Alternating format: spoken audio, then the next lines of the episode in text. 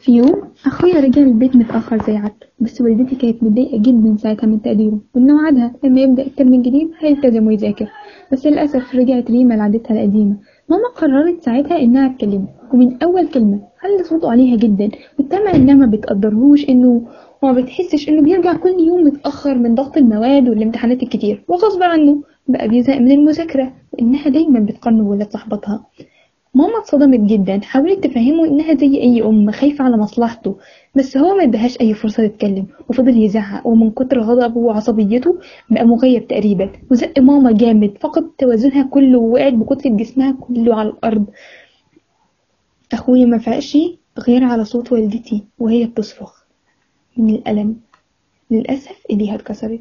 أخويا ندم جدا على اللي حصل. ما تصورش بسبب عصبيته ممكن يأذي أقرب إنسان لقلبه.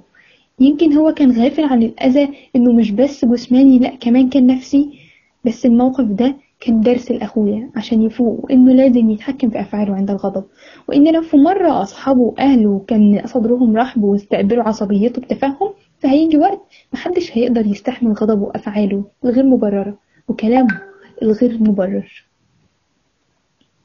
إذا لم يغضب الرجل لم يحلم لأن الحليم لا يعرف إلا عند الغضب. عبد الملك بن مروان.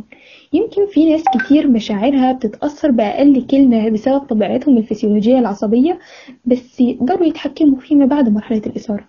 دلوقتي هيدور في دماغك تساؤل أتحكم في غضبي إزاي؟ أول حاجة تعملها عشان تهدي نفسك إنك تستعيذ بالله من الشيطان الرجيم.